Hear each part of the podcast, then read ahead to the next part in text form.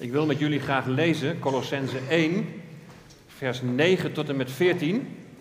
En zoals je ziet is het thema voor vanmorgen de deal van de eeuw.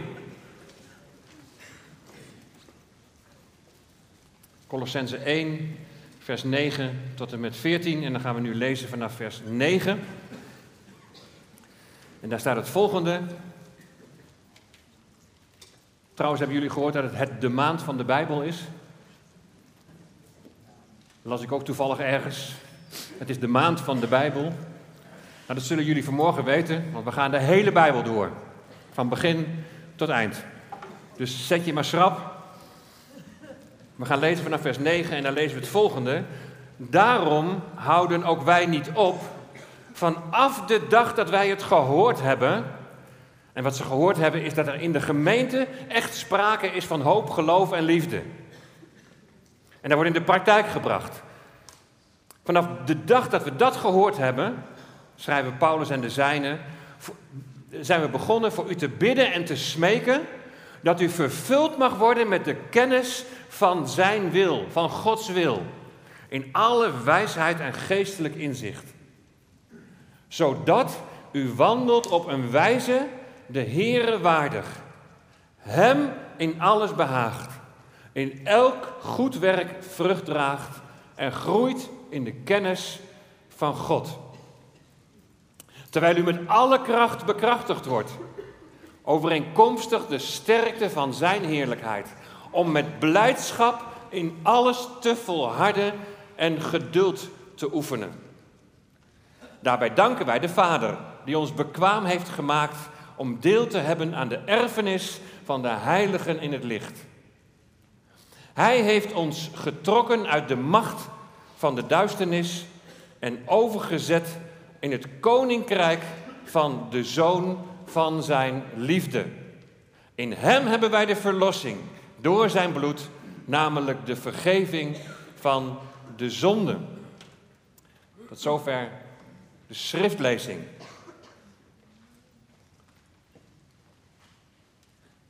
We zijn nog maar twintig jaar op weg in deze 21ste eeuw. En nu wordt er een plan voorgesteld voor vrede in het Midden-Oosten dat de benaming deal van de eeuw krijgt.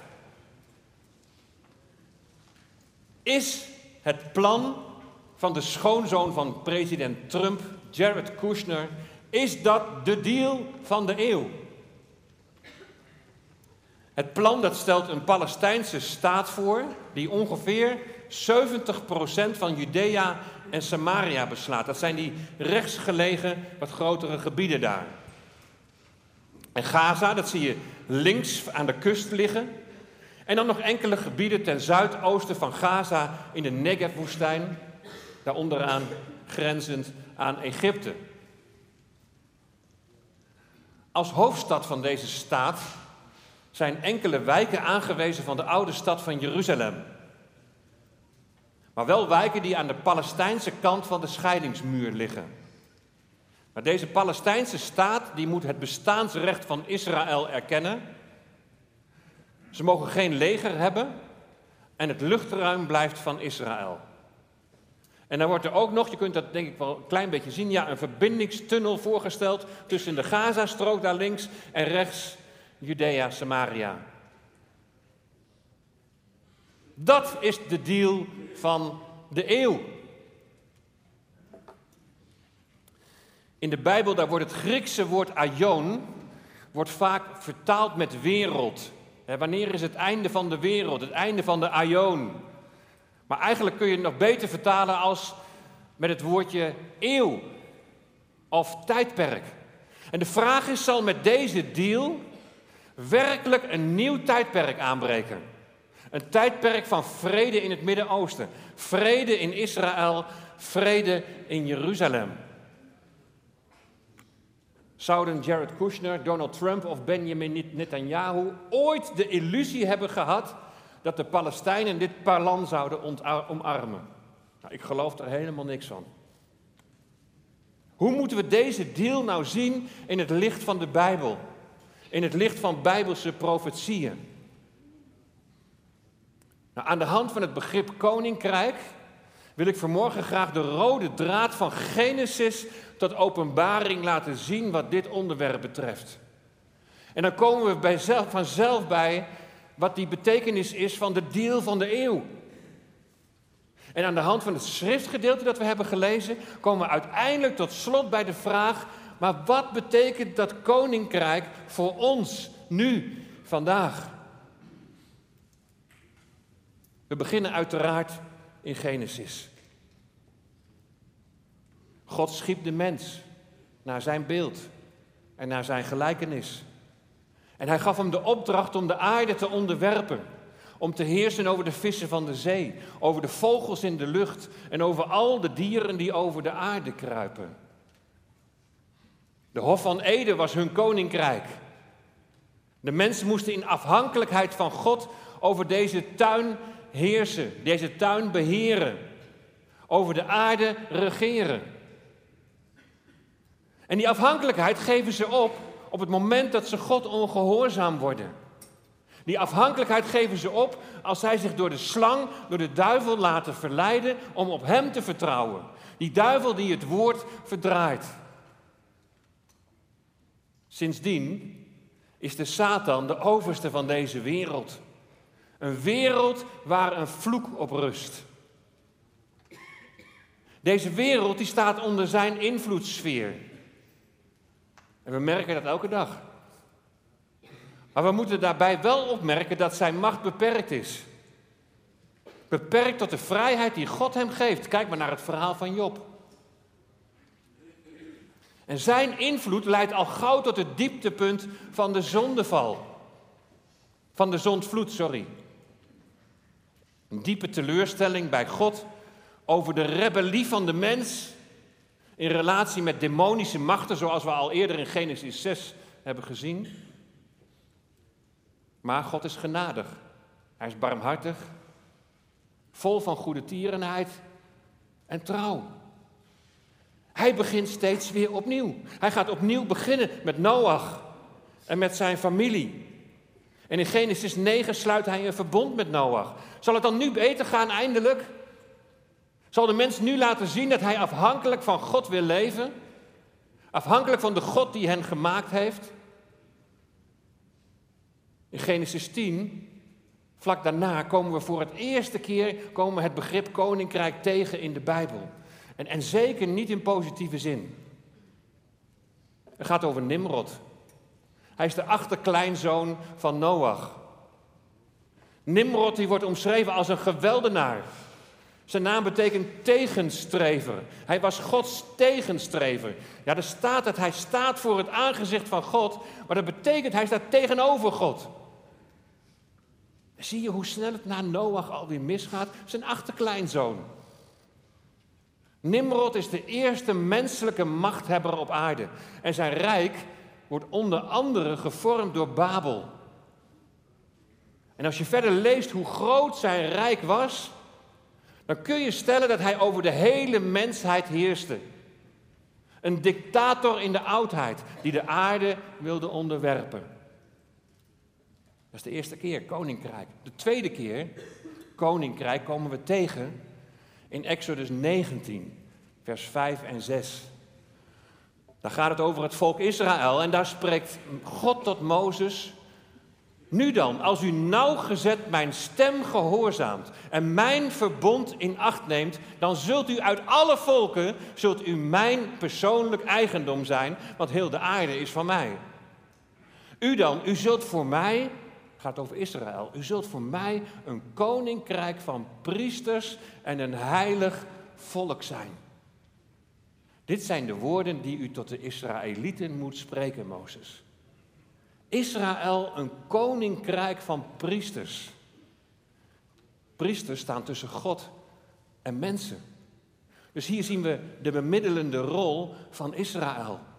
Door dit volk, via dit volk, wil God zijn naam bekendmaken in deze wereld. Hier in Genesis, Exodus, de eerste twee Bijbelboeken. En in deze twee Bijbelgedeelten Genesis 10 en Exodus 19, zie je al het hele spanningsveld waar de hele wereld, waar het in deze hele wereld om draait tot op de dag van vandaag. Er zijn na Nimrod nog vele Nimrods geweest. Krijgers die de aarde willen regeren. Die in de geest van Babel, net als bij de torenbouw van Babel, voor zichzelf een naam willen maken. Nimrods die zich laten leiden door de overste van deze wereld, door de Satan. En daartegenover kiest God een volk. En we zien voortdurend strijd tussen God en Satan, tussen licht en duisternis, tussen Israël en de volken, strijd tussen Jeruzalem en Babel. Israël, een koninkrijk van priesters, een heilig volk. Wees heilig, want ik ben heilig, zegt God tegen zijn volk. Want alleen zo kunnen jullie die bemiddelende rol hier op aarde hebben. Het volk, bevrijd uit Egypte, moet in het beloofde land echter steeds weer door richteren op het juiste pad worden gebracht. Het was de bedoeling dat Israël een theocratie zou zijn, een volk waar God koning is. Maar ze willen net als de omliggende volken, willen ze een aardse koning. En God gaat daarin mee. En na Saul komt dan koning David, die al een type is, die al een voorbode is van de komende Messias.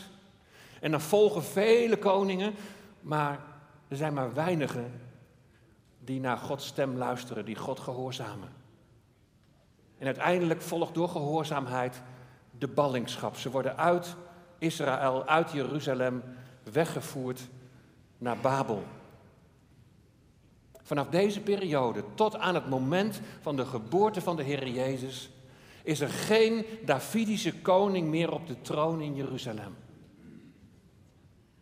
Tijdens de ballingschap wordt het koninkrijk van hun afgenomen. Maar voortdurend lees je in de profeten een belofte van herstel. God zal het koninkrijk voor Israël herstellen. Dat is voortdurend, iedere keer maar weer opnieuw in de profeten de belofte. En de vestiging van het koninkrijk zal gepaard gaan met de bekering van Israël en de komst van de Messias. Die belofte van dat komende rijk en het regeren van de Messias, dat lees je onder andere, nou laten we maar gelijk een profeten dan bijnemen, Jezaja 9, vers 5 en 6. Dat eerste vers, dat wordt heel vaak met kerst gelezen. Want een kind is ons geboren, een zoon is ons gegeven en de heerschappij rust op zijn schouder. En men noemt zijn naam wonderlijk, raadsman, sterke God, eeuwige vader, vredevorst. Maar dan over dat koninkrijk. Aan de uitbreiding van deze heerschappij en aan de vrede zal geen einde komen op de troon van David en over zijn koninkrijk om het te grondvesten en het te ondersteunen door recht en gerechtigheid van nu aan tot in eeuwigheid. De naijver van de Here van de legermachten zal dit doen. Een vrede waar geen einde aan zal komen op de troon van David. De troon van David stond in Jeruzalem.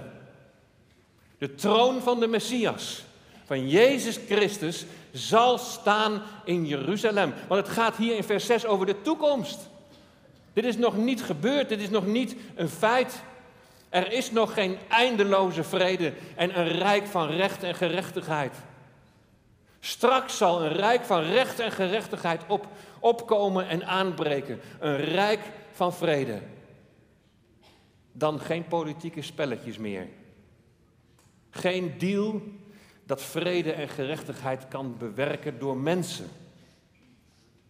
Ook wij als gelovigen kunnen dat koninkrijk niet vestigen. Hier lezen we de naijver van de heren van de legermachten. Hij zal dit doen. Hij zal zijn koninkrijk vestigen als de Messias, als de koning verschijnt.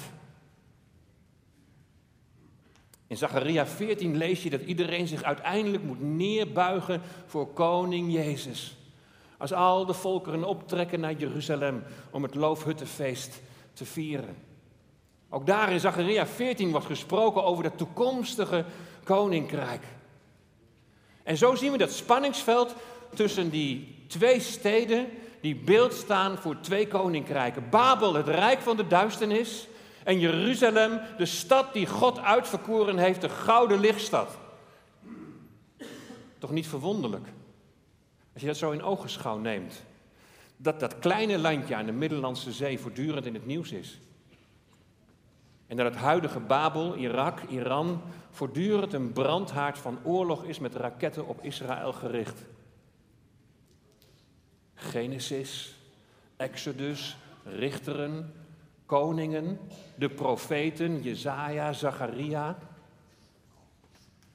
We maken een hele reis door de Bijbel heen.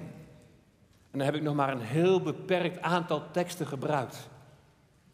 En de profeten, nogmaals, die staan vol van herstel. Herstel van Gods volk door verdrukking heen. Een van die overige teksten die ik dus nog niet gelezen heb, maar die niet mag ontbreken, die, die lees je in Daniel. Zo boeiend. Daar wordt nog duidelijker hoe het zit met die strijd van die twee koninkrijken. De profeet Daniel die moest aan koning Nebukadnezar, de koning van Babel, een droom uitleggen. Zonder dat hij wist wat die droom was. Heel bijzonder. En dan staat er in Daniel 2, vers 32 en 33, en je kunt bij dat beeld zo meekijken. Het hoofd van dit beeld was van goud. Zijn borst en zijn armen waren van zilver. Zijn buik en zijn dijen van brons. En zijn benen van ijzer. En zijn voeten gedeeltelijk van ijzer, gedeeltelijk van leem of van klei. En in het beeld waar hij van droomt, daar ziet hij dus op één volgende koninkrijken die een rol spelen in de geschiedenis van Israël. Nou, hier zie je dus die, die opeenvolgende rijken. En wij kunnen die nu, achteraf, kunnen we ze zo invullen. Goud, het Babylonische Rijk. De tijden staan erbij. Zilver, het Medo-Persische Rijk. Brons, het Griekse Rijk. IJzer, het Romeinse Rijk. Het ten tijde dat de Heer Jezus hier op aarde was. En dan heb je nog het Rijk van ijzer en klei. Het gaat over een rijk in de eindtijd. Openbaring 17 spreekt over tien koningen, over een tien statenbond. Dat is bijzonder. In de Bijbel ontvouwt zich al de wereldgeschiedenis. Dat wat al is geweest en wat wij nu kunnen verifiëren, wat we nu kunnen controleren en weten dat het gewoon klopt wat er staat. En dat wat nog komen gaat. Dus ruim 600 voor Christus legt Daniel deze droom uit. En na zijn uitleg zegt Daniel dan tegen koning Nebukadnezar, zegt hij het volgende. Terwijl u toekeek, koning Nebukadnezar, toen gebeurde het dat er een rotssteen werd uitgehouwen. Echter niet door handen. En het trof het beeld op de onderbenen van ijzer en klei en verbrijzelde het. In een oogwenk was het in stukken gebroken. Zo verging het met het ijzer, de klei, het brons, het zilver en het goud. En toen voerde de wind het mee en er werd geen spoor meer van gevonden. Echter de rotsteen die op het beeld stuitte, groeide uit tot een geweldige berg en zij vulde de gehele aarde.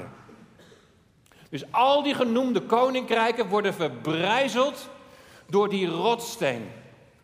Ook dat laatste rijk, dat rijk in de eindtijd, zal verbrijzeld worden. Kijk maar mee in vers 44 van Daniel, hoofdstuk 2. In de dagen van die koningen, dat zijn die tien koningen, in die eindtijd, dan zal de God van de hemel zal echter een koninkrijk doen opkomen dat voor eeuwig niet te gronden zal gaan en waarvan de heerschappij niet op een ander volk zal overgaan. Het zal al die andere koninkrijken verbrijzelen en teniet doen. Maar zelf zal het voor eeuwig stand houden. Al die koninkrijken die net zijn genoemd worden teniet gedaan door dat ene koninkrijk dat God sticht. Teniet gedaan door die rotsteen. De rotsteen door God uitgehouwen die het beeld verbrijzelt. Nou moet je dan niet denken aan Psalm 118, vers 22. De steen die de bouwlieden versmaad hebben, dat is de Heer Jezus Christus. Hij zal de koning zijn van het koninkrijk dat hier wordt voorgesteld door de rotsteen, die afgehouwen wordt. Hij zal het zijn die een eind zal maken aan de verderfelijke laatste heerschappij van de mensen. Het rijk van de antichrist. En hij zal het Messiaanse rijk, zal hij stichten, zal hij vestigen. Die steen des aanstoots, de Messias, die werd aanvankelijk niet belangrijk geacht. Hij werd verworpen. De profeet Zacharia die spreekt van hem in hoofdstuk 9, vers 9. Hij kwam nederig en rijdende op een ezel. Hij kwam nederig, hij kwam als lam van God. En hij legde zijn leven af en brengt zo verlossing, brengt vergeving van zonde. Maar hij zal nogmaals komen en in hetzelfde vers, daar staat, zie uw koning komt tot u. Hij is rechtvaardig en zegevierend. Hij zal straks komen als de leeuw van Juda. De rotsteen zal uit een berg worden gehouden. Nou, dat kan toch maar één berg zijn. Als Jezus terugkomt, de leeuw van Juda, om te regeren, zullen in overeenstemming met de profetie in Zacharia 14, vers 4, zijn voeten zullen staan op de olijfberg. Dat is de plek waar Jezus Christus, de Messias, zal aankomen om de wereld te onderwerpen en het toekomstige Godsrijk te stichten. Hij zal regeren vanuit Jeruzalem. Jeruzalem verplettert Babel. Gods rijk zal alle koninkrijken van deze wereld, alle nimrods van deze wereld, zal de antichrist wegvagen. Kun je het nog volgen? Even een korte samenvatting van Genesis tot Openbaring. 1. De mens is geroepen te regeren over de aarde in afhankelijkheid van God. 2. De mens laat zich verleiden. Zo is de Satan de overste van deze wereld. 3. Het leidt al gauw tot de zondeval. En het leidt tot de zondvloed. Ook daarna gaat het snel weer mis. 4. Nimrod, de eerste dictator die de wereld wil veroveren om zichzelf een naam te maken. Vijf, God kiest zichzelf een volk. Israël, een koninkrijk van priesters, een heilig volk. Zes, de richteren die moeten het volk steeds weer op het rechte pad brengen. Zeven, koningen worden aangesteld, maar door ongehoorzaamheid wordt het koninkrijk afgenomen. Gaan ze in ballingschap. Acht, God belooft door de profeten dat, dat het koninkrijk voor Israël hersteld zal worden. Slechts een klein, deel is teruggekeerd uit Babel. Maar er is nog steeds sprake van een belofte van geestelijk herstel. 9. God stuurt zijn zoon als herder voor zijn volk, de beoogde koning. Maar de zijnen hebben hem niet aangenomen. Dus nog geen koninkrijk. 10. Maar God zal in de toekomst zijn koninkrijk vestigen, wat gepaard zal gaan met de bekering van Israël en terugkeer van zijn volk naar het land dat hij aan hen heeft beloofd. Hij zal het doen. Een laatste Bijbelgedeelte uit het Oude Testament. En let vooral op hoe vaak hier staat: Ik zal. En heeft het betrekking op God zelf. Ik zal. Ezekiel 36, vers 24. Ik zal u uit de heidenvolken halen. En ik zal u uit alle landen zal ik u bijeenbrengen. En dan zal ik u naar uw land brengen. Het dus over Israël. Ze zullen terugkeren. Ik zal rein water op u sprenkelen en u zult rein worden. Van al uw onreinheden, van al uw stinkgoden zal ik u reinigen.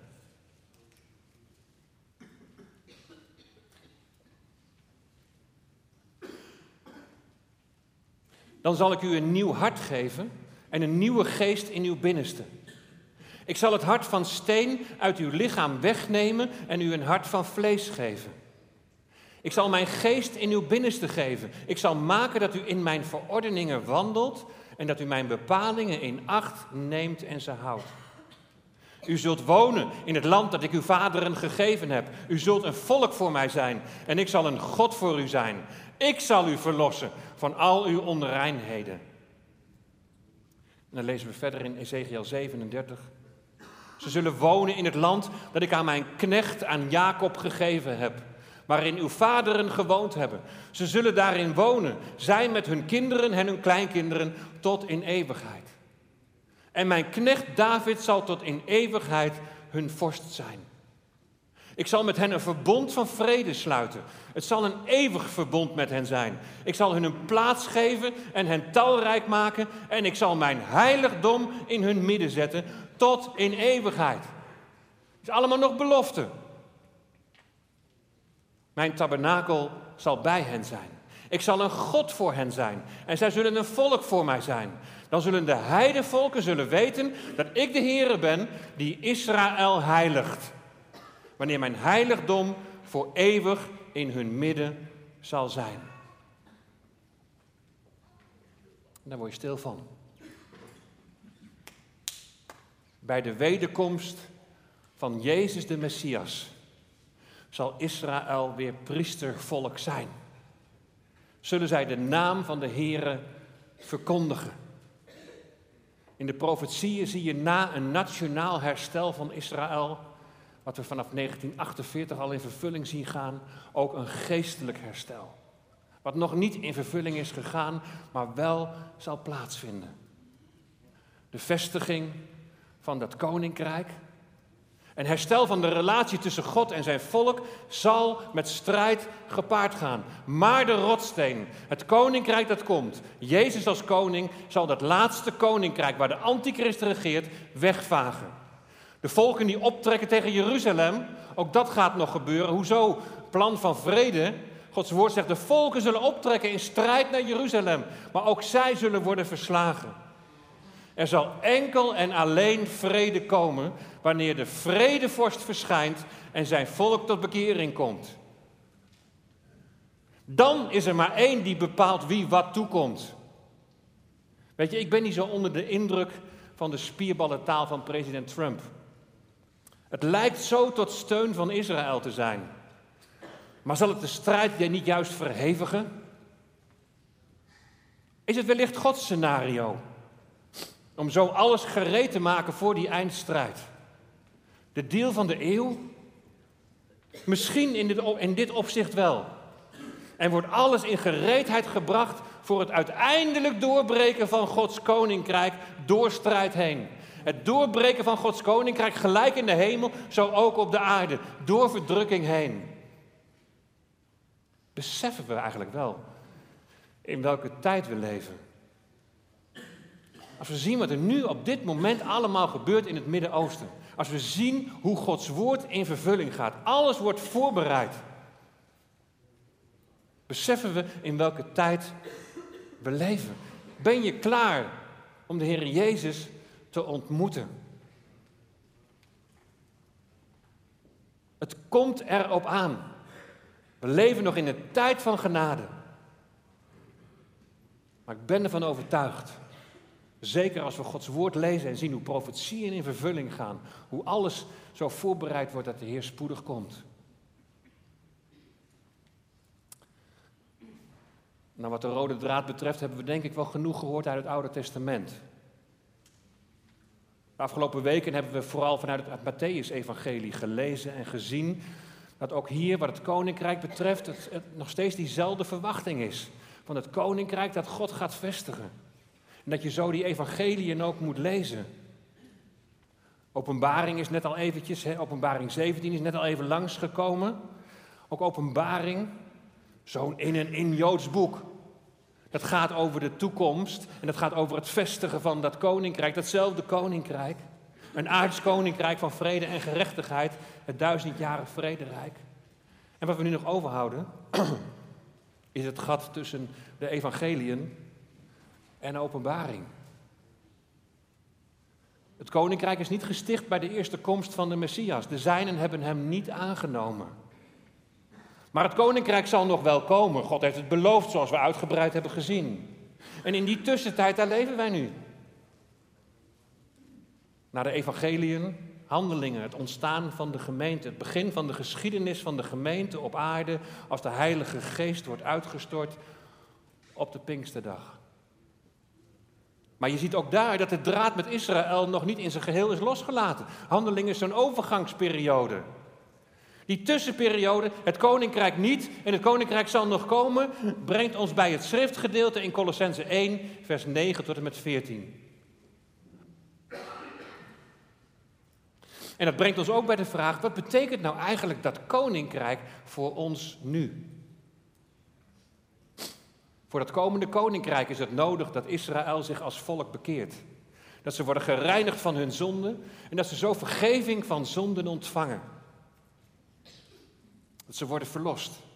Maar individueel komen er op dit moment Joden tot geloof in Jezus de Messias. Nog niet als natie, maar individueel wel. Het aantal Messias beleidende gelovigen neemt toe.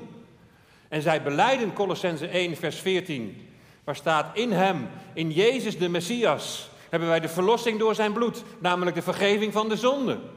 Zij geloven dat Jezus de Messias is. Zij geloven dat Hij voor hun zonden aan het kruis is gestorven van Golgotha. En ze geloven dat ook Yeshua de opgestane Heer is die leeft.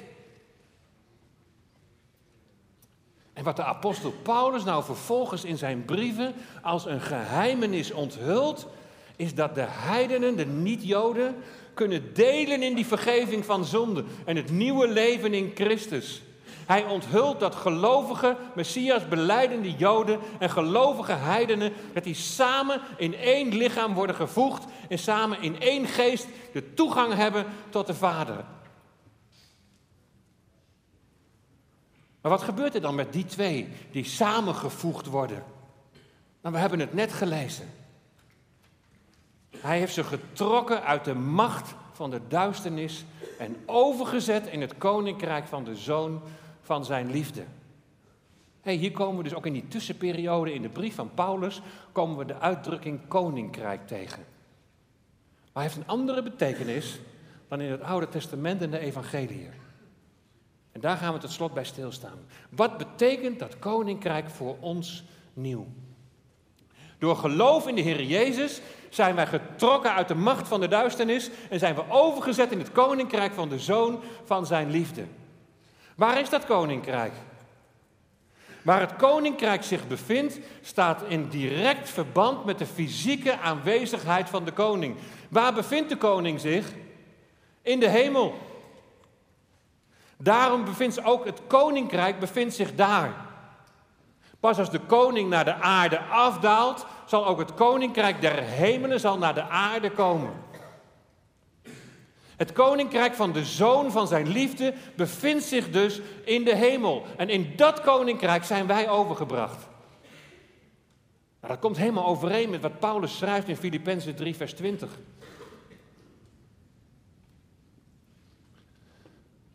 Ons burgerschap is echter in de hemelen, waaruit wij ook de zaligmaker verwachten, namelijk de Heer Jezus Christus. Ons burgerschap is in de hemelen. Het is dus niet zo dat het koninkrijk door ons hier wordt gevestigd. Nee, wij worden vanuit onze aardse positie, in geestelijke zin als het ware, opgetild en in dat hemelse koninkrijk gezet. We hebben een hemelse positie ontvangen in Christus. Aan de Efeziërs schrijft Paulus dat wij met Christus levend zijn gemaakt. Uit genade ben je zalig geworden. En God heeft ons met hem opgewekt. En ons met hem in Jezus Christus gezet in de hemelse gewesten. In Christus ben je geheiligd, ben je apart gezet. Uit deze wereld getild, geestelijk gezien, en gezet in de hemelse gewesten. In de Colossensebrief noemt Paulus dat met Christus verborgen zijn in God. Wij met Christus verborgen in God. Lees maar mee. Als u nu met Christus opgewekt bent, zoek dan de dingen die boven zijn waar Christus is, die aan de rechterhand van God zit. Bedenk de dingen die boven zijn en niet die op de aarde zijn. Want u bent gestorven hè, aan je oude ik, aan je oude leven.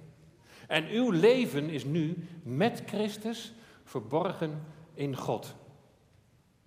Wanneer Christus geopenbaard zal worden, die ons leven is, Dan zult u ook met Hem geopenbaard worden in heerlijkheid. Het is nu voor deze wereld is het nog een verborgenheid dat wij één zijn met Christus. En zo in Hem verborgen in God. Maar straks bij de wederkomst, als Christus wordt geopenbaard in heerlijkheid, als zijn voeten zullen staan op de olijfberg, zullen wij ook in Hem zichtbaar worden.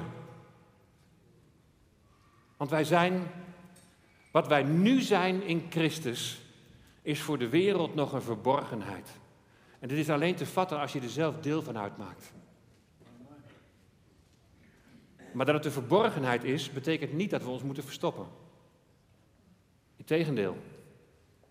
Paulus bidt en smeekt voor de gemeente. Alleen dat zou al eens een keer goed zijn om daar eens bij stil te staan. Niet praten over de gemeente of wat je vindt van dit of wat je vindt van dat. Maar Paulus bidt en hij smeekt voor de gemeente. En hij smeekt voor de gemeente dat ze vervuld mogen worden met de kennis van Gods wil. In alle wijsheid en geestelijk inzicht. Weet je, wij zijn nu geroepen die priesterrol te vervullen. Die bemiddelingsrol. Dat door ons en door ons heen bij die heerlijke daden van God mogen verkondigen. En dan betekent die kennis van zijn wil dat, wij moeten gaan verstaan hoe we, hoe we echt een wandel in dit leven kunnen leiden. Een wandel die God waardig is. Weet je, wij, wij weerspiegelen onze Heer niet door, door met de principes en de normen van deze waarden, eh, waarden van deze wereld mee te bewegen. Maar we weerspiegelen Hem als wij Hem gehoorzaam zijn. En als wij doen wat Hij zegt. Wees heilig, want ik ben heilig. Geldt ook voor ons nu. Maar strijk je dan niet tegen de haren van mensen in? Ja, natuurlijk.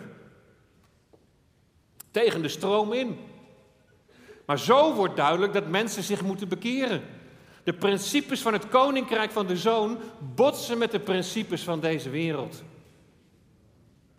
Groeien in de kennis van Gods wil betekent ook in elk goed werk vrucht dragen. Als je verder gaat lezen in die brief, dan, dan zie je hoe belangrijk het is om werken van het vlees af te leggen. Ontucht en zedeloosheid, hartstocht, lage begeerte, hebzucht. Allemaal staan ze in relatie tot seksualiteit.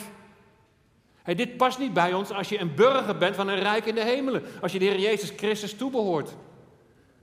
Maar ja, je maakt je toch niet populair als je zegt dat het huwelijk uitsluitend is voor man en vrouw en seksualiteit binnen de grenzen van het huwelijk. Nee, inderdaad. Dat botst met de vrije seksuele moraal die er op dit moment heerst. Maar zo laat je zien dat mensen zich moeten bekeren. Vrucht dragen is niet alleen afleggen, maar ook aandoen. En de kenmerken die je dan in Colossense 3, vers 12 leest, is medeleven, bescheidenheid, zachtmoedigheid, geduld. Verdraag elkaar en vergeeft elkaar als iemand een ander iets te verwijten heeft. Zoals de Heer u vergeven heeft, moet u elkaar vergeven. Dat is die nieuwe schepping in Christus, die in de hemel gezet is. Die een hemelse positie in Christus heeft ontvangen. Die wil van binnenuit veranderen. En meer en meer op de Heer Jezus gaan lijken in alle dingen die we zo met elkaar mogen meemaken. Dat is laten zien dat Jezus in je woont. Een geweldige priesterrol. Mensen, bekeer je, zeg je daarmee. Keer je om naar God. Zie op Jezus die je wil trekken uit de macht van de duisternis en die je wil brengen naar het rijk van de Zoon. In Hem is er verlossing door zijn bloed, namelijk de vergeving van zonden. Weet je, dat is de deal van de eeuw, van het tijdperk van genade waarin wij nu mogen leven. In Hem is er verlossing door zijn bloed, namelijk de vergeving van zonden. Twee koninkrijken die botsen. Geestelijke strijd zul je ervaren. En dat is heel normaal. Daarom heb je het nodig om te groeien in de kennis van God, in het kennen van Hem. Daarom heb je het nodig om met kracht bekrachtigd te worden, om met blijdschap in alles te volharden en geduld te oefenen. Tegen de stroom in, het valt niet altijd mee. Het kan je ontmoedigen als het tegenzit. En de tegenstand kan heftig zijn en dan heb je volharding nodig. Maar dan niet al zuchtend en steunend, Maar wat lazen we hier? Met blijdschap. Daartoe moet je met kracht bekrachtigd worden. Daartoe heb je de kracht van de Heilige Geest nodig. De kracht van de trooster die in je woont. Nu, strijd is heel normaal. Dat hoort bij het christenleven. Weet je wat die botsing van die twee rijken? Het is onvermijdelijk, het kan niet anders. Maar weet, er is iemand die voor je bidt en voor je strijdt. U zult altijd voor ons strijden. U hebt steeds uw trouw betoond. Deze waarheid is mijn blijdschap. Heer, u draagt de zegen kroon. Als de golven je dreigen te overspoelen door die botsing, voortdurend van met het geheel anders zijn, dan is daar die uitgestrekte hand. En dan houd je vast op weg naar dat einddoel dat vaststaat. En dat einddoel is Jezus Christus en alles herstelt in Hem. We gaan dit heerlijke lied gaan we met elkaar zingen. Jullie mogen wel vast al uh, naar voren komen. U zult altijd voor ons pleiten. De Heer Jezus pleit voor ons. U zocht door tot u ons vond. En geen macht kan u bestrijden, want u draagt de zegenkroon. In Christus in de hemel apart gezet. Boven alle macht en kracht en heerschappij staat er in de Efezebrief. En we zijn geroepen om niet in die verborgenheid te blijven, maar die naam van de Heer Jezus openbaar te maken in deze wereld te verkondigen. Opdat er nog velen zullen zijn die getrokken zullen worden uit de duisternis en ook dat nieuwe leven zullen gaan ervaren en in de Heer Jezus Christus gered zullen worden. U bent Jezus de Messias die de wereldredding biedt. Uw genade is mijn adem en mijn lied. Waar uw grootheid wordt bezongen, daar wil ik knielen voor uw troon. Waar u bent, verstilt de onrust, want u draagt de zegenkroon. Vul dit huis nu met uw glorie. Vul ons hart met heilig vuur. Uw genade is mijn adem en mijn lied. En laten we dit lied als een aanbiddingslied met elkaar zingen. Laten we het staande als, als aanbiddingslied met elkaar gaan zingen. En bid tussen de regels door om de kracht en de troostende werking van de Heilige Geest. Dat Hij de onrust in je zal verstillen opdat je met blijdschap kunt volharden om priester in deze wereld te zijn. En de naam van de Heer Jezus te verkondigen. Om een boodschap van hoop te verkondigen in deze wereld. Halleluja, Jezus overwon. Amen.